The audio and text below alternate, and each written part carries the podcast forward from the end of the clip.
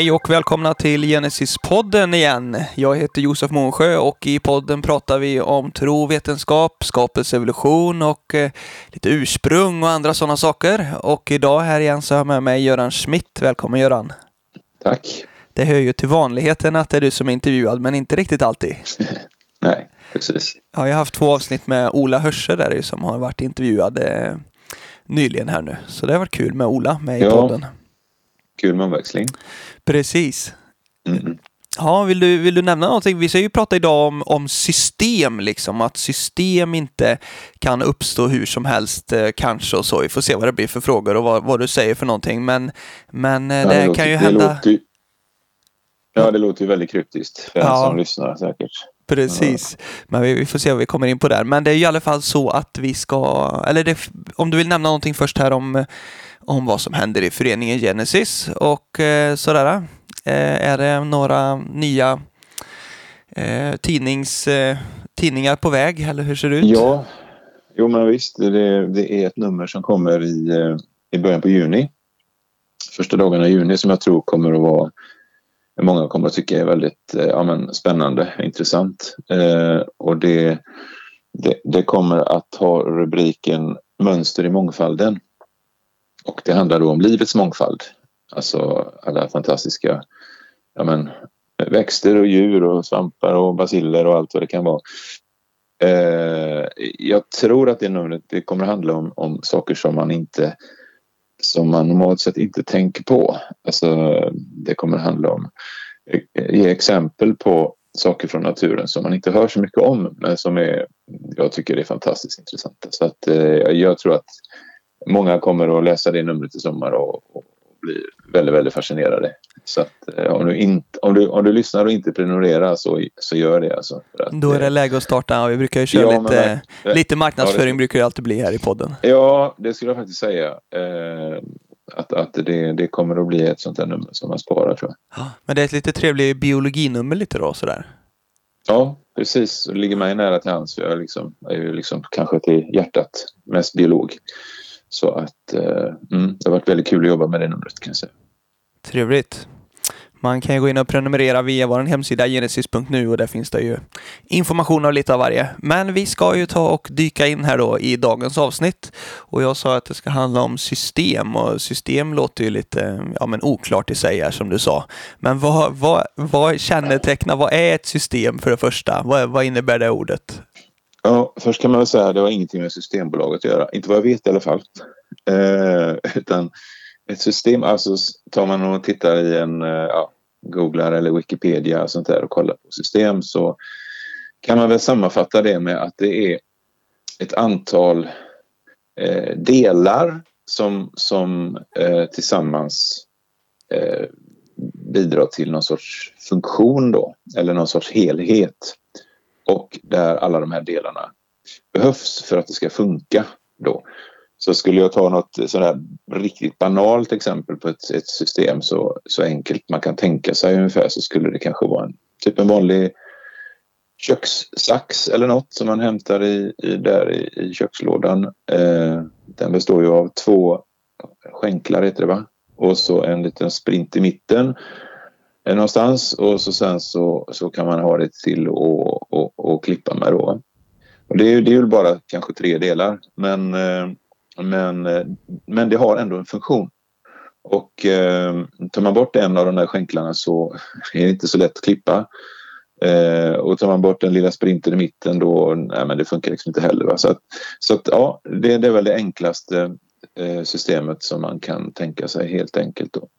Sen, sen så finns det ju såklart andra system som är mycket, mycket mer komplexa. Så att den här smartphonen jag har framför mig och pratar just nu då, den, den är ju, eh, det är också ett system. Man kan väl tänka sig i och för sig att där kan man plocka bort lite grejer och lite funktioner och den, den skulle fortsätta och på något sätt funka sådär va. Eh, men, men någonstans så, alltså tar man bort en grej för mycket så slutar den att funka. Då, då upphör funktionen och då, då, ja, men då upphör det att vara ett system. Då. Så att, eh, och, och sen kan det ju då variera hur pass, hur pass, ja men det kan variera hur pass komplext eller eh, ett system är, alltså hur många olika delar som behövs för att något ska funka. Då. Ett begrepp, vi... ett begrepp som är nära till hands och som vi har pratat om förut och det, det har väl med detta att göra men eh, icke-reducerbar komplexitet och irreducible ja. complexity på engelska. Och vi pratar ju om detta idag här för vi ska ju prata lite om information och sådär i kommande avsnitt och även ja. om, om livets informationssystem och, och då tänkte vi att vi behöver ändå ta upp det här eh, en vända till här med eh, system och att det inte går att eh, kanske plocka isär hur som helst. Men, eh, ja, Ja, men eh, de, de, alla de här grejerna hänger ihop på något sätt. Eh, uh, han, den biologen som du uh, nämnde om där, han heter ju Michael Behe, jag vet inte du nämnde, men han, han hade ju den här modellen av en musfälla då, en liten enkel musfälla där, där, som också illustrerar samma sak som saxen egentligen, alltså man kan inte ta bort något för då slutar det funka. Uh, och, och, och kopplingen till information, det är ju det att, jag menar, om man nu ska tillverka saxar eller musfällor så, så måste man ha instruktioner, man måste ha information för att göra det på rätt sätt. Därför att man kan sätta ihop de där delarna på en, på en massa olika sätt. Till och med de där delarna till en kökssax kan man faktiskt sätta ihop på en massa olika sätt. Och de funkar inte särskilt bra. Eh, utan det är just eh, det där att det är just informationen om den rätta eh, liksom monteringen. Det är, den, det är där informationen kommer in egentligen då. Så, och sen så, jag menar, jag menar, om, man, om man läser om det här med system så här så kan man säga att det, det, det, finns en del system kallar man för att de är öppna. Så att till exempel bilen som jag kör omkring med ibland, den, eh, den är ett öppet system därför att där eh, tankar jag in eh, bensin. Alltså det är kolväten. Det är ju liksom materia som kommer in från utsidan då. Och eh, så ett öppet system, ett slutet system, det är till exempel eh, Ja men det är telefonen jag, jag pratar i nu då därför att den där tillförs bara elektricitet och det är liksom inte egentligen ja, eh, materia. Man anser i alla fall att tillför man elektricitet så är det liksom inget, ingen materia. Så, så att det är vad ett system är.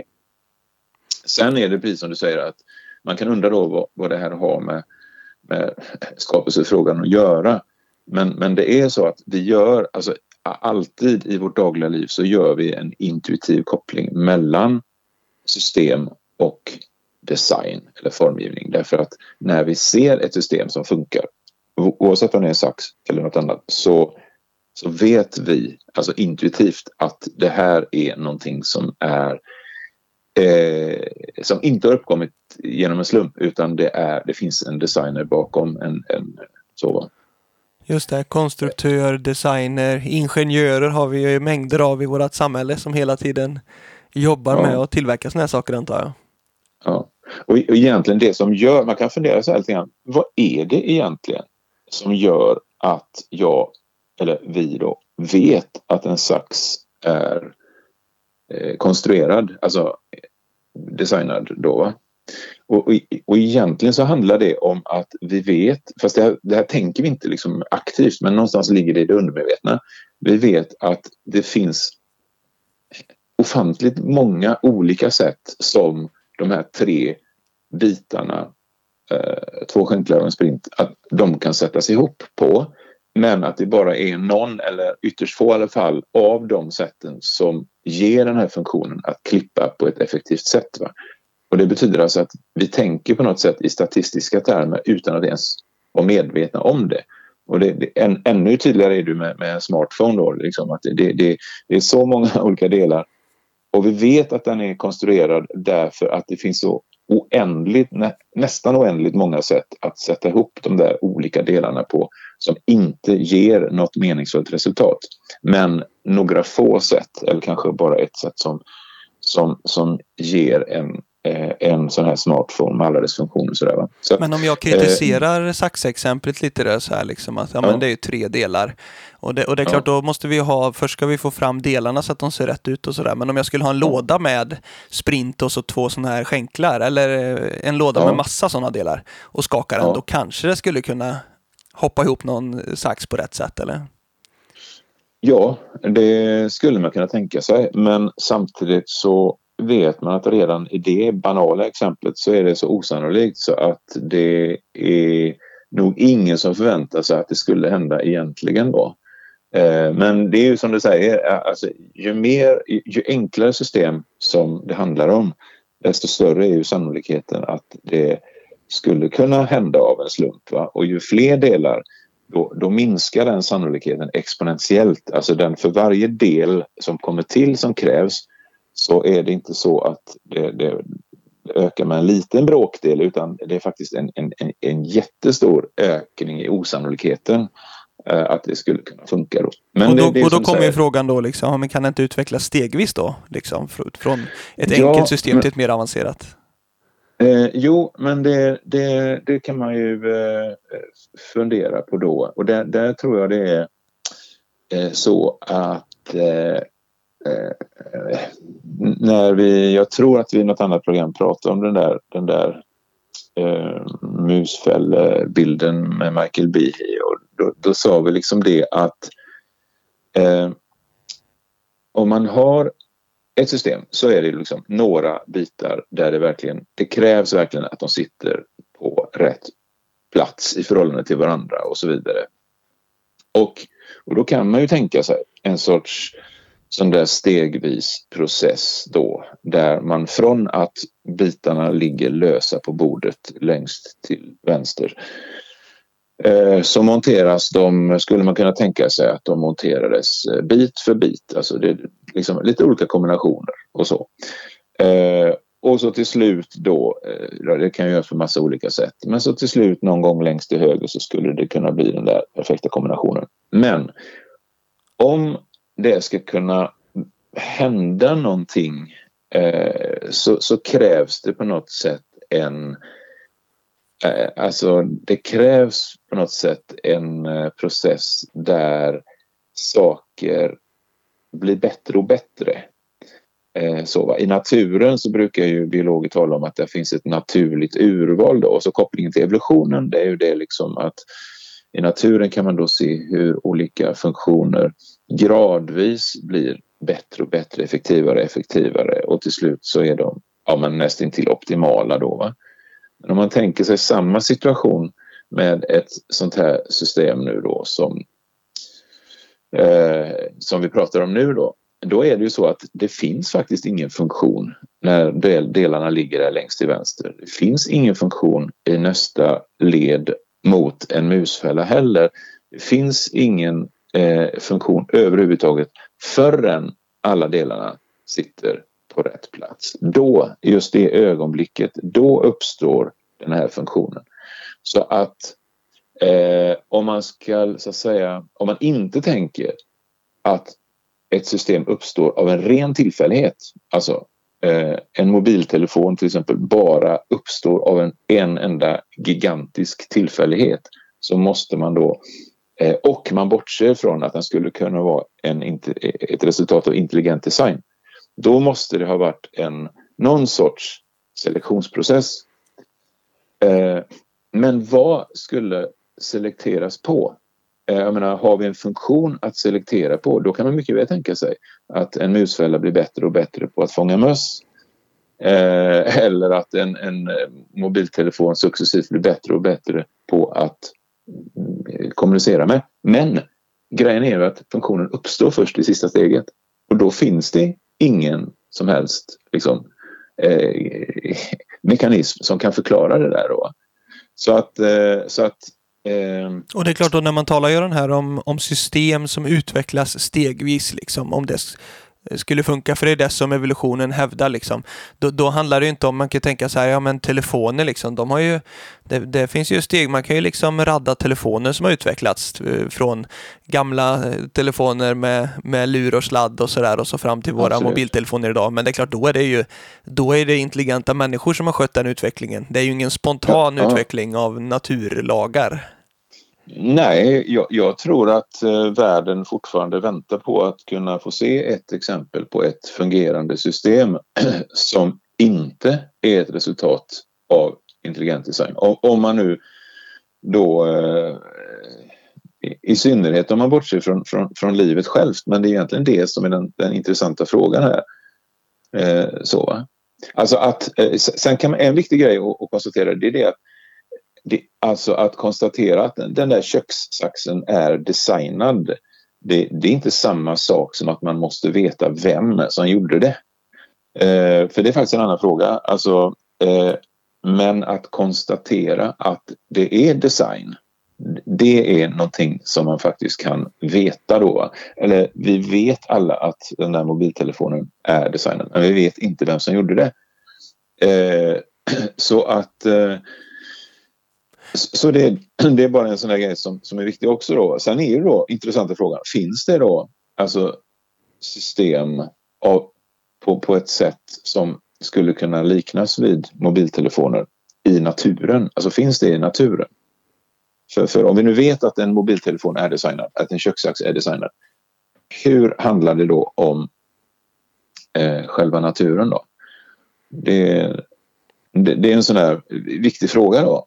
För att jag menar om det är så att det finns system i naturen så, så skulle det ju liksom falla under samma kategori. Det skulle inte ha kunnat uppkomma stegvis då. Det där är ju lite intressant liksom, för om man, det tror jag säkert att många ateister eller eh, eh, sekulära eh, evolutionister eller vad vi säger då. Man skulle ju säkert säga att ja, men du kan inte dra den liksom kopplingen mellan saker som är tillverkat av människor och det som finns i, i naturen. Men det är klart, det är lite jag antar att vi, det, filosofiskt kan man säkert tänka på det där, men, men du är inne på detta, eller vad skulle du säga just kring en sån eh, ja, men, kritik? Jo, men jag har ju mött det, jag har mött det argumentet liksom att det här är falska analogier, alltså att man inte kan jämföra eh, strukturer i naturen med sånt som vi har eh, konstruerat, vi människor då. Men å andra sidan så, så är det så att det finns ju hela en hel vetenskapsgren idag inom det som kallas för biomimetik då, där vi faktiskt använder oss av den här analogin mellan det som vi skapar och det som finns i naturen då. Och där man utgår från att eh, naturen har eh, funktioner och strukturer och saker som vi direkt kan tillämpa i, i, i tekniska sammanhang. Liksom. Vi hade ett helt nummer, jag tror det var, det var förra årets sommarnummer, alltså nummer två 2021. Då hade vi ett helt nummer ägnat åt biomimetik. Vi visade liksom hur, hur man liksom hur i stort sett alla våra fantastiska uppfinningar har sina, sina motsvarigheter i naturen och att, att det är ett väldigt fruktbart sätt att studera naturen för att se hur gjorde citationstecken naturen då och så kan vi tillämpa det. Så det visar ju i praktiken att det inte alls är en falsk analogi utan det är en högst användbar analogi. Kardborreband till exempel, om jag minns rätt, där fanns väl en Ja, precis. Ja, ja, ja. Eh, men precis. Eh, visst är det så att det här numret kommer ju ut då snart på Genesis hemsida för den som inte är prenumerant så kan man läsa det gratis ja, snart. Visst är det så? Precis. Första juni kommer det, det numret som vi nämnde nu. Eh, då kommer det att vara publikt då för det är ett års eftersläpning. Då.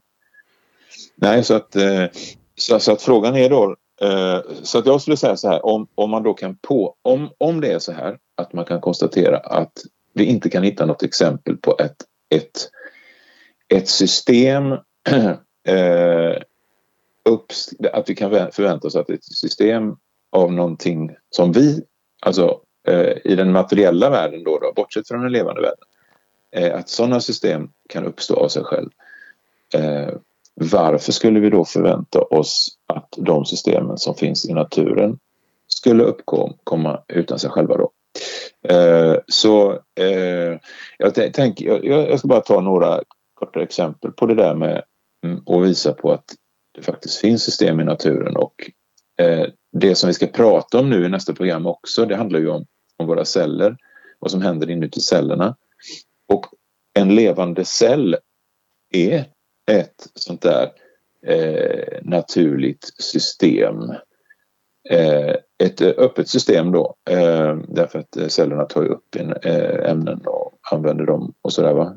Men en cell består ju utav en, en mängd olika ämnen då, till exempel DNA, proteiner, eh, en grupp fettliknande ämnen som kallas för lipider, eh, energimolekyler som kallas för ATP och så finns det en, en mängd andra eh, molekyler som alla är och RNA också dessutom då. Eh, alla de här ämnena är, är helt liksom nödvändiga för cellen. Och alla de här ämnena eh, samverkar med varandra på olika sätt. De är helt beroende av varandra och till och med av sig själva för att kunna existera och, och eh, fungera som ett levande system. Då. Eh, det är precis samma sak egentligen. Det är som den där musvallen. Alltså du, du kan inte... En del menar ju då att ja, livet började med bara RNA men liksom jag menar RNA kan liksom inte existera på egen hand, det bryts ner. Utan det, det kan bara existera i, i, inom ett, ramen för ett system. Och, och så att cellen som sådan är ett exempel på ett sånt här system som är eh, där man kan alltså man kan, man kan säga så här att det där systemet det skulle inte kunna funka om någon av de här beståndsdelarna inte existerade. Sen kan man tänka hypotetiskt, jo men det kanske det skulle kunna ha gjort. Ja, ja. Men, men, men man kan inte visa att det är så utan allt liv som vi känner det är beroende av alla de där ämnena på samma gång. Liksom. Michael Behe som eh, hade den där liknelsen med musfällan, han, han hade bland annat ett, det här med eh, när blodet levrar sig som ett sådant exempel. Och det kan hända att vi har pratat om det någon annan gång men, men jag kan bara nämna helt kort att det som händer när vi skär oss och det slutar blö det är då att eh, det är en ganska det är en väldigt komplicerad process egentligen därför att det finns över hundra olika ämnen lösta i blodet. Ungefär som man kan lösa en sockerbit i vatten så, så på, på, samma sätt är de här ämnena lösta i blodet och märks inte, syns inte. Men just i samband med att man skär sig eller att man får in någon flis eller flisa eller sådär då så startar det en, en eh, kemisk process i blodet som eh, börjar med att de små blodplättarna ger ifrån sig ett ämne och sen startar det liksom en, en, något som kallas för en kaskad av olika kemiska reaktioner då, där det ena ämnet påverkar ett annat som påverkar ett tredje som i sin tur påverkar ett fjärde och så håller det på sådär. Och eh, det är en lång, lång process fast den går väldigt, väldigt fort. Det handlar, om, det handlar liksom om sekunder.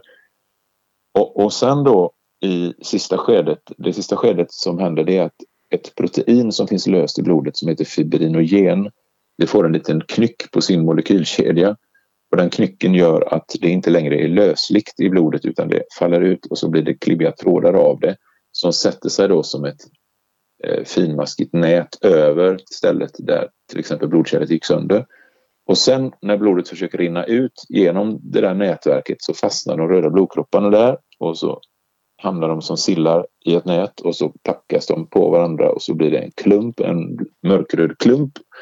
Och då, har vi, då säger vi att då har blodet levrat sig. Och, eh, och, och, liksom, och det där, den processen är ju någonting som är livsnödvändigt. Alltså för att om vi inte har det systemet så förblöder vi helt enkelt. För blodet hinner inte tillverkas lika fort som det rinner ur kroppen. Så ett sådant system finns då i alla ryggradsdjur och eh, eh, det händer att sånt, ett sådant system eh, inte funkar som det ska. Eh, blödarsjuka är en sån här ärftlig sjukdom hos människan när man saknar oftast faktor 7 eller faktor 8 då, av, den här, av, av alla de här faktorerna. Eh, och då måste man då eh, tillföra det så att det blir vettiga mängder av de ämnena för att blodet ska kunna leva sig ordentligt. Men det här systemet får inte träda i kraft när det inte ska. Det vill säga om det blir falskt alarm och det här systemet liksom, eh, sätter igång och börjar bilda blod blodklumpar då får man en blodpropp någonstans. Va? vilket är en hjärtinfarkt eller, liksom slaganfall. Eller, Just det, så det får inte, alltså, det får inte uppkomma mm. eller starta igång när, när mm. förutom när det blir går sönder liksom huden. Nej, då. precis. Så, så, det här systemet har ju, där, därför finns det en massa återkopplingar och grejer kan man se då i de här schemana över de här kemiska reaktionerna som, som systemet som sådant då använder sig av för att försäkra sig om att det inte är falskt alarm. Så det är väldigt, väldigt sofistikerat system. Och det här är ju ett typiskt exempel också liksom, därför att om man saknar, om man, om man har alla de där, säg att, det är, säg att det är 100 ämnen säger vi då, som skulle behövas och så säger vi att vi saknar ett av ämnena i den kedjan. Då funkar ingenting. Det kommer inte att levra sig därför att det är en länk i kedjan som, som är bruten och då händer ingenting. Eh, och då i, i så fall är det ren förlust för en organism att tillverka alla de där 99 ämnena helt i onödan. Och det skulle vara ett så stort slöseri så att sådana individer de skulle ha eliminerats av det naturliga urvalet. De skulle liksom inte ha fått tillfälle att bli vuxna därför att de, de skulle ha dött av förblödning allihop. Eh, och, och, och, det skulle dessutom ha varit eh, så att säga eh, energislöseri att hålla på att tillverka alla de där ämnena. Så att eh, på alla sätt och vis så skulle sådana individer försvunnit. Men vad säger Enda... en evolutionist liksom kring detta då? Hur, vad, vad, vad, hur förklarar ja, man det då? Att det... Ja, eh, jo, ja, vad säger de? Att det finns ja, ett sånt här system liksom? Ja, men de, de, skulle kunna säga så här att jo, men det finns hos den och den, eh, vad det nu är för organism då, hos, hos det, det och det djuret så finns det ett system eh, som bara har, har 90, jag vet inte om det finns ett sånt ens, men det skulle kunna hypotetiskt tänkas vara det. Att det kanske, man kanske hittar någon, någon udda organism någonstans som hade ett, eh, ett system som inte bestod av 100, 100 plus sådana här eh, olika substanser utan kanske ett mindre antal.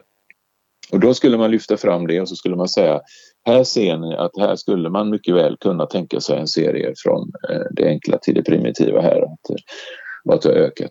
Men du skulle säga att det är man... omöjligt att hoppa mellan de där två Nej, men då, då, Det man glömmer då det är ju att även det i så fall är ju ett system i sig. Det, det är ett annorlunda system i så fall. Eh, men samma problem gäller för det.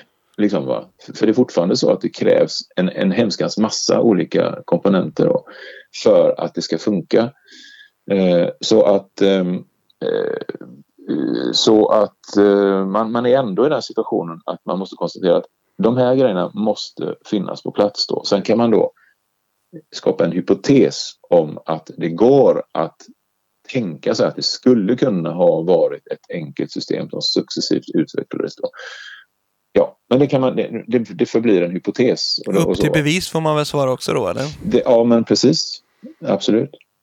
Och sen, sen är ju, alltså allt system finns i hela kroppen. Jag menar vi har hjärt, hjärta, cirkulation, andning eh, kopplat till njurarnas funktion. Vi har nervsystemet. Alltså vi har, vi har system som, som liksom hakar i system som är beroende av varandra i kroppen. Så, så jag så här, det finns nästan ingenting i kroppen som inte inte är del i en eller flera olika system. Och när ett system lägger av så, så slutar de andra systemen att funka också. Så att, så att det inte bara är systemen som, som ska funka som sådana eh, utan även kombinationen av olika system. Det, det blir också en organism då.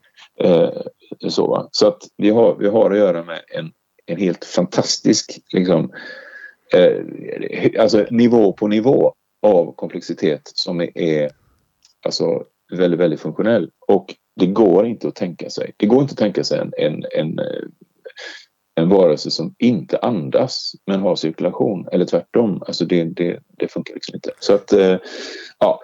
Om man ska, om man ska urskilja, Göran, så här liksom vad som är vad som inte är ett system på det här viset. Till exempel om man tänker snöflingor till exempel. Är det, ja. är det en helt annan sak liksom? Där har vi inte det här Alltså en, en, snöflinga har ju liksom ingen, en snöflinga har ju liksom ingen funktion. Alltså den är vacker att titta på men det är ju knappast en funktion på det sättet utan eh, så där är ju en skillnad. Eh, och vi kommer säkert återkomma till det när vi pratar mer om information där för att det är ju liksom en sån där sak som brukar, man ibland brukar anföra som argument för att det kan uppstå. Just det, ja, då sparar vi det lite. Saker, så. Men, men mm, nej utan eh, alltså eh, om vi tar det här, blod, det här blodlevringssystemet där så jag menar det är så många delar som, som samverkar. Det är, inte, det är inte tre delar som i en sax utan det är många, många fler delar än så. Och det är dessutom så att eh, eh må, många system eh, finns alltså i eh, en mängd olika organismer som egentligen inte är släkt med varandra. Eh, eh, jag tänker på ett sånt här, den sista boken jag läste det var en bok eh, av en eh, amerikansk författare som heter Eric Castle, jag har den framför mig. Den heter Animal Algorithms.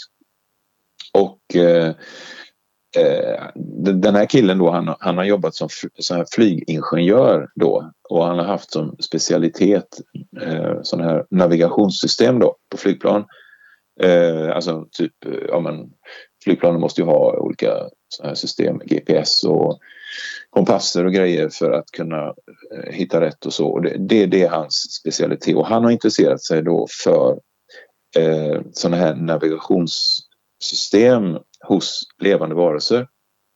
Och han eh, visar där i den här boken hur, eh, hur, hur, det finns alltså en mängd olika djur till exempel som då eh, använder sig av sådana här eh, avancerade navigationssystem. Framförallt fåglar då, eh, så, som ju kan hitta, jag menar, de kan ju flyga mellan två världsdelar och hitta samma holk. Liksom.